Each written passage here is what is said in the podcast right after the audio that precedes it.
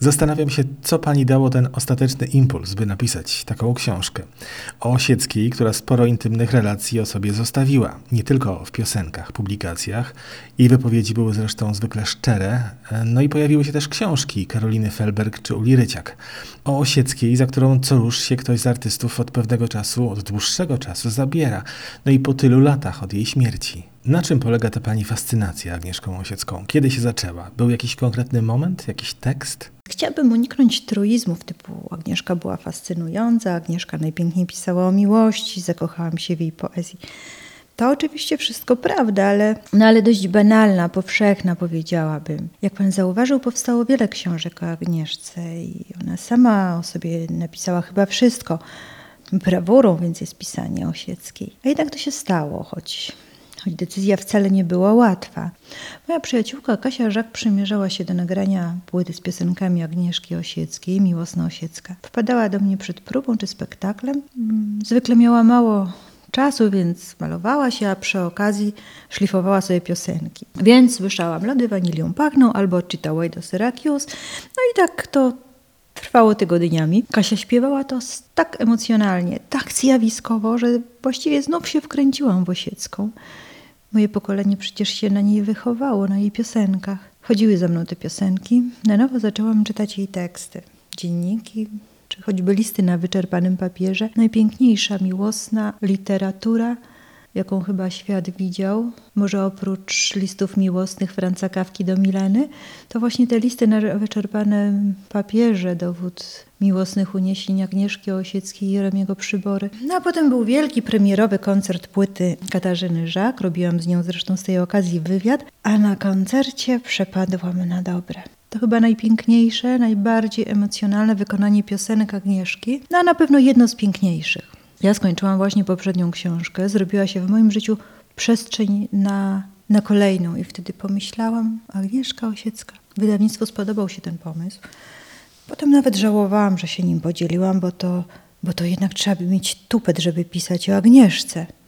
No ale nie było odwrotu, a ja po prostu schowałam się za moimi rozmówcami. Powiedział pan po tylu latach.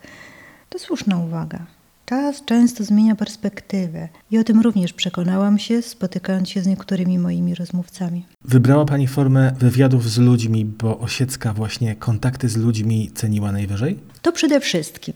Zresztą rozmowy to coś, co robię od lat. Jestem taką przeprowadzaczką wywiadów. Ale tak naprawdę to, to nie są wywiady o rozmowy. Lubię rozmawiać z ludźmi, lubię ich słuchać. Zresztą Agnieszka najwyżej w życiu ceniła również rozmowę. Potrafiła rozmawiać z każdym, z profesorem filozofii, ze zwykłą kwieciarką, ale przede wszystkim potrafiła słuchać jak nikt. Miała w sobie ogromną uważność na ludzi. Kasia Żak opowiadała mi, jak kiedyś była jeszcze wtedy młodą aktorką i grała we Wrocławiu w sztuce Sztuk Mistrz z Lublina, do której Agnieszka pisała songi. Agnieszka przyjeżdżała oczywiście na próby, a po próbach cały zespół szedł do jakiejś kawiarni czy restauracji na wrocławskim rynku.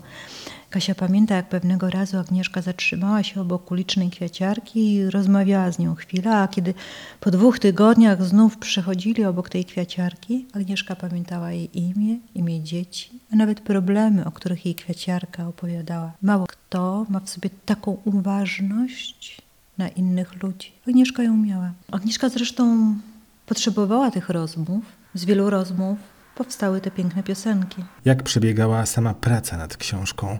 Wypisała sobie pani listę rozmówców, zaczęła umawiać się na rozmowy. Jakim kluczem wybierała pani rozmówców? Nie ma pasentów w tej książce, nie ma pana Daniela, pani Agaty.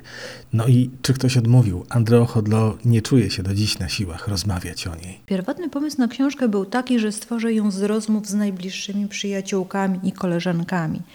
Pięć, sześć osób. No to się szybko zmieniło, bo kiedy rozmawiałam z kolejnymi przyjaciółkami Agnieszki, słyszałam, powinna pani porozmawiać jeszcze z. I tu padało nazwisko i rodzaj więzi, jaka łączyła tę osobę z Agnieszką. I tak szłam tropem tych podanych nazwisk osób, które w życiu Agnieszki były ważne. Zależało mi najbardziej na osobach, które do tej pory nie wypowiadały się, a przecież były z Agnieszką blisko. Jest więc bardzo długa, interesująca rozmowa z Michałem Kotem, przyjacielem Agnieszki. Jest rozmowa z Manuelą Gretkowską, która znała Agnieszkę, a nawet napisała piękną powieść, poetka i książę o miłości Agnieszki Jerzego Giedroycia. Jest Zofia Sylwin, która pracowała z Agnieszką w trójce radiowej, urządziła jej nawet wielki koncert, za co Agnieszka za każdym razem wyrażała jej wdzięczność. Jest Dorta Stalińska, jest Ewa Zadrzyńska, jest Krystyna Dębska-Olbrychska. Co ciekawe, pani Krystyna Dębska była przyjaciółką Agnieszki jeszcze z Wrocławia, a niezależnie od tego Agnieszka przyjaźniła się w Warszawie z Danielem Olbrychskim. I to Agnieszka poznała panią Krystynę Dębską i pana Daniela Olbrychskiego i do dziś są małżeństwem. E, Andreo Chodlo nie czuje się rzeczywiście na siłę, aby mówić o Agnieszce, ale dał mnie i czytelnikom piękny prezent w postaci swojej wypowiedzi. Był bardzo bliskim przyjacielem Agnieszki. Razem stworzyli teatr Atelier w Sopocie, który zresztą do dziś funkcjonuje i wiem, że nawet y, ciężko jest kupić na spektakle bilety. I myślę, że Agnieszka jest dla Andre tą stratą, z którą mu się trudno do dziś pogodzić. Zresztą on jeden był z Agnieszką do samego końca, do ostatniej chwili. Michał Kot przypomina, że ktoś określił pisanie Agnieszki Osieckiej rodzajem reportażu po PRL-u. Miałbym nawet tytuł Sztuczny miód dla tego reportażu. Bywała Osiecka w świecie, w Stanach, we Francji, a jednak zawsze do Polski wracała. To nie raj, nie cud był jej domem, ten język i ci ludzie? Z opowieści jej przyjaciół rzeczywiście wynika, że, że kochała Polskę i choć wciąż podróżowała po świecie, co zresztą była rzadkością w tamtych czasach, najlepiej czuła się w Polsce, w Warszawie, na Saskiej Kępie, w domu matki na Dąbrowieckiej. Lubiła Stany, ale kiedy zapytałam Ewę Zadrzyńską, dziennikarkę, byłą żonę Janusza Głowackiego, która była bardzo blisko z Agnieszką, czy nie chciałaby zostać, jak wielu Polaków w tamtych czasach, e, w Stanach, powiedziała, że pytała nawet Agnieszkę o to. A Agnieszka odpowiedziała, co ja bym tutaj robiła. Pewnie znalazłaby sobie zajęcie, ale, ale myślę, że zwyczajnie nie chciała. Myślę, że ta Polska była we, we krwi, ona była najważniejsza. Fajnie pan to wymyślił, Sztuczny Miód. Sztuczny Miód to nie tylko tytuł piosenki Agnieszki, ale też y, tomiku wierszy wydanego przez Agnieszkę właśnie z piosenkami, które zadedykowała różnym przyjaciołom, bo uważała, że prócz zapachu jabłek piosenka jest najsilniejszym nosicielem wspomnień. Ale słusznie pan zauważył, ten tekst jest taki ponadczasowy. Słowa jak sztuczny miód, erzac cholera nie życie. Miał być raj, miał być cud i ćwiartka na popicie. A to wszystko nie tak, nie tak, nie to. A jeżeli, a jeśli nie to, no to o co u diabła nam szło? O szkło? Zaczyna pani tę książkę rozmową z Olgą Lipińską, przyjaciółką Agnieszki z wczesnej nastoletniości. Pojawia się takie zdanie: Są jednak tematy tabu, których wolałaby nie poruszać, a na pewno nie publikować. Autorka książki zatytułowanej Osiecka tego mnie nie wiecie żałuje, że nie wszystko można było opublikować? Również moi rozmówcy, kiedy zwracałam się do nich z prośbą o rozmowę, mówili: Szkoda, że nie mogę powiedzieć wszystkiego. Ale pani wie, że nie będę mogła wszystkiego powiedzieć? Tak żałuję. Czy ja żałuję? Chyba nie. Uważam, że są granice intymności, które należy szanować. Jak to kiedyś powiedziała Beata Tyszkiewicz, nie wszystko na sprzedaż. Na szczęście Agnieszka sama szeroko otworzyła drzwi do swojego życia, opowiadając o wielu intymnych sprawach. Ja poznałam wiele z nich z perspektywy jej przyjaciół. Starałam się jednak nie przekraczać granicy, która odarłaby wszystko z tajemnicy. Tematem tabu za życia Osieckiej był pewnie alkoholizm. Powszechnie się o tym nie wiedziało, ale tuż po śmierci córka Agata otwarcie o tym mówiła. Kilkakrotnie mówią o tym też pani rozmówcy, chyba najwięcej i najbardziej otwarcie Hanna Bakuła. Czy coś w tych rozmowach dla pani było nowością absolutną? Rzeczywiście to powszechna informacja, że Agnieszka piła za dużo. Sama o tym zresztą mówiła, ale od wielu przyjaciół, i to było dla mnie nowością, słyszałam, że nigdy nie widzieli jej kompletnie pijanej, że kiedy czuła, że przybiera się miara, opuszczała towarzystwo, a może tylko zmieniała na inne. Ale największym zaskoczeniem było dla mnie to, że ta przepiękna kobieta, utalentowana poetka, wykształcona i podziwiana przez wszystkich, pożądana przez mężczyzn intelektualnego świecznika, tak naprawdę była samotna. Kiedy zapytałam Marylę Rodowicz, co panią w Agnieszce wzruszało, odpowiedziała smutek, jaki miała w sobie. Często była smutna, nie radziła sobie z miłością, z życiem. Miała tyle przyjaciółek, którym ocierała łzy, a sama była samotna. Katarzyna Gardner powiedziała natomiast, że ma taki tekst Agnieszki, którędy do miłości. I zapytała, jak może być szczęśliwym człowiek, który pisze, którędy do miłości, samotność mnie boli, nadzieja swawoli. Smutną opowieść dał mi Jacek Mikuła, kompozytor, który wspólnie z Agnieszką stworzył wiele piosenek. Wspominał o swoim ostatnim spotkaniu z Agnieszką na beneficie Maryli Rodowicz. W bankiecie odwiózł ją do domu. Powiedział mi, że w tym samochodzie, z dala od takich towarzyskich śmichów, chichów, Agnieszka przygasła i zapytała, czy mógłby z nią zamieszkać. Jacek Mikuła tak pomyślał sobie wtedy, że to może taka chwilowa fantazja kogoś, kto przesadził z winem. Tym bardziej, że pomysł był niewykonalny, miał rodzinę, mieszkał daleko. A potem uzmysłowił sobie, jak bardzo osamotniona czuła się Agnieszka z tą straszną chorobą, jak bardzo chciała mieć przy sobie kogoś. Zresztą Manuela Gretkowska, która zaprosiła Osiecką na bankiet z okazji wejścia na polski rynek miesięcznika L, pamięta, że Agnieszka przyszła sama i powiedziała mi, że latami była gwiazdą, a pod koniec życia czuła się bardzo samotna i że zawsze będzie miała w pamięci obrazek tego przyjęcia sprzed 25 lat, na które Agnieszka przyszła i z którego wyszła sama. Magda Czapińska powiedziała: Wszyscy zawsze mieliśmy wrażenie, że jest królową życia, że wybiera mężczyzn. A teraz myślę, że była samotna i zziębnięta w środku. Przyznam, że dla mnie taką nowością są teksty napisane przez Osiecką po angielsku, teksty do piosenek, o których wspomina Urszula Dudziak. Ojciec Agnieszki Osieckiej bardzo dbał o wykształcenie córki. Agnieszka znała pięć języków, co no, w tamtych czasach było absolutną rzadkością. Z łatwością pisała więc teksty piosenek w angielskim, o czym właśnie opowiadała Ula Dudziak. Ula mieszkała mm, przez kilkanaście lat y, w Stanach, tam zresztą zrobiła z Michałem Urbaniakiem, swoim y, ówczesnym mężem, karierę. Y, I opowiadała mi, jak Agnieszka pewnego razu przywiozła jej kilkanaście tekstów po angielsku, które zachowała no do dzisiaj. Agnieszka poprosiła, żeby Ula napisała do nich muzykę i Ula do dwóch tekstów po angielsku Agnieszki, napisała muzykę, oczywiście napisała melodię i, i, i, nawet śpiewała te piosenki, choć śpiewała właściwie je tylko prywatnie i, i się zastanawia, czy nie nadać jakiegoś drugiego życia tym piosenkom. Ale Ula opowiadała mi jeszcze jedną historię wartą podzielenia się nią, y, bo to też jest taka piękna historia o Agnieszce, o jej takiej koleżeńskości. Kiedyś Agnieszka przyjechała do Uli do Nowego Jorku, weszła do mieszkania i Ula zobaczyła Agnieszkę ubraną w przepiękny, czarny, do ziemi kożuch. Nie potrafiła ukryć zachwytu. Powiedziała, e, Agnieszko, jaki piękny kożuszek, jak pięknie w nim wyglądasz. Na co Agnieszka? Tak, to proszę. I zdjęła, podając Uli. Ula mówiła, że nie, co ty, na pewno bardzo drogi, wyglądasz nim przepięknie. W ogóle nie było mowy, żeby Ula nie przyjęła tego kożuszka zrobiłaby tym Agnieszce gigantyczną przykrość. Agnieszka powiedziała tylko daj mi jakiś stary płaszcz. Taka była Osiecka. Tych nowości jest zresztą sporo w książce i ciekawych anegdot. Zapraszam. Wpisałem w plik z elektroniczną wersją pani książki sufiks izm i oprócz alkoholizmu wyszło jeszcze kilka słów: optymizm, profesjonalizm, mechanizm obronny. Mało tych izmów to chyba dobrze, bo jeśli jakoś nazwać quasi-naukowo całość fenomenu Agnieszki Osieckiej, to użylibyśmy raczej osieckości niż osieckizmu. Potrafiłaby Pani zdefiniować tę osieckość? Myślę, że najlepszą definicję osieckości podał Michał Kot z wykształcenia filozof. Nawet nie będę próbowała tego przebić.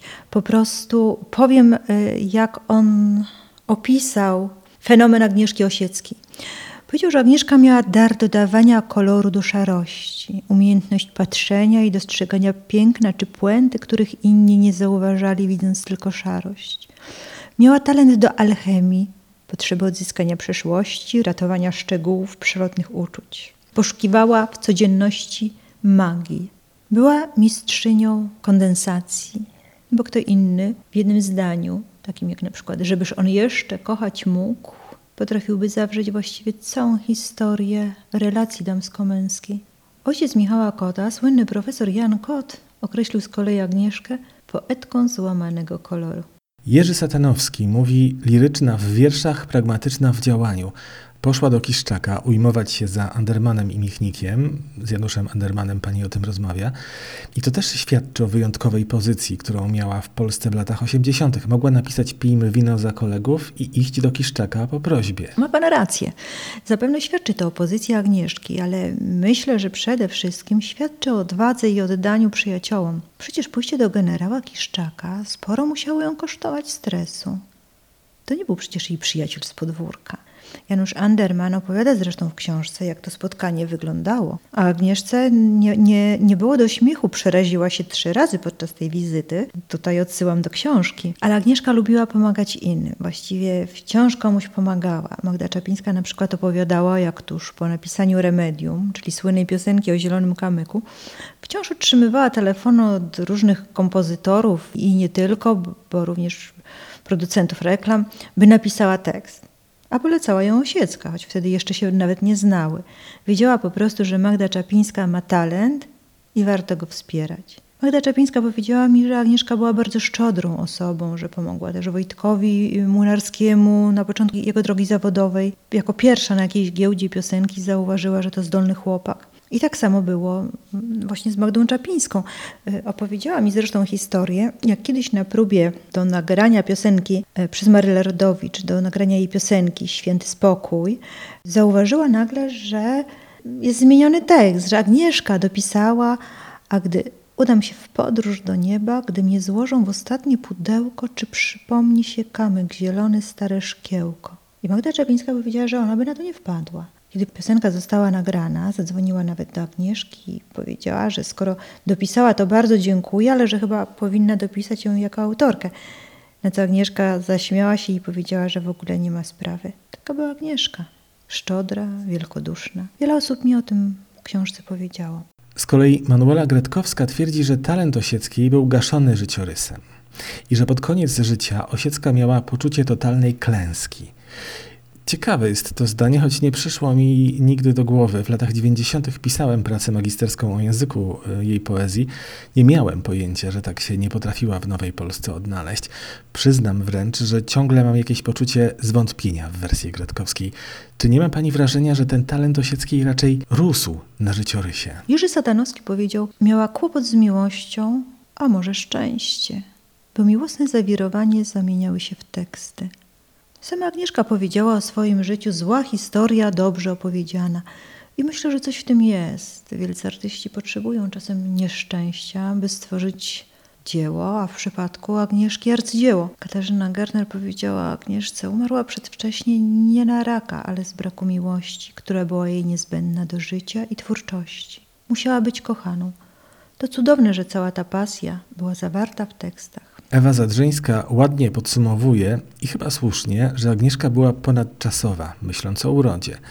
I jest ponadczasowa do dziś w zupełnie innym kontekście. Ten kontekst nowej rzeczywistości, nowych rzeczywistości, nie dotyczy chyba twórczości Agnieszki Osieckiej. Zdaje się, że ludzie zawsze będą pragnęli tego samego co ona miłości i wolności, jak wspomina Urszula Dudziak. No i nie zawsze, a może rzadko, będą ją mieć. Kasia Gertner też to mi powiedziała, że teksty Agnieszki są ponadczasowe. Nie wiem, czy to jest tajemnicą, czy nie. Kasiu, jeśli to jest tajemnica, to bardzo Ci przepraszam, że uchylę rąbka, ale Katarzyna Gertner pracuje teraz nad płytą, a właściwie płytami, z piosenkami swoimi Agnieszki Osieckiej. Chce je zrobić w nowych aranżacjach. Piosenki, które pisała do tekstów Agnieszki, uznała, że muzyka się zestarzała, że jest nowe pokolenie, że jeśli chcemy dotrzeć do młodego pokolenia, to musimy pokazać im zupełnie inną muzykę. I powiedziała mi coś bardzo znamiennego. Muzyka się zestarzała, teksty nie. Więc teksty Agnieszki są ponadczasowe, a już za chwilę usłyszymy je w nowych aranżacjach Katarzyny Gertner. Gdyby mogła Pani się z bohaterką tej książki spotkać, jakie pytanie chciałaby Pani jej koniecznie zadać? Czy było warto?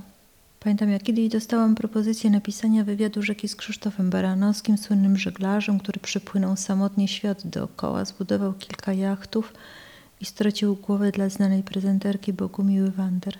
Oboje zresztą dla tej miłości poświęcili wszystko. Wtedy chciałam wiedzieć, czy było warto. Na pierwszym spotkaniu zobaczyłam błysk w ich oczach i wiedziałam, że było warto. I dziś, gdybym spotkała Agnieszkę, chciałabym ją zapytać czy było warto? Zna pani odpowiedź na to pytanie?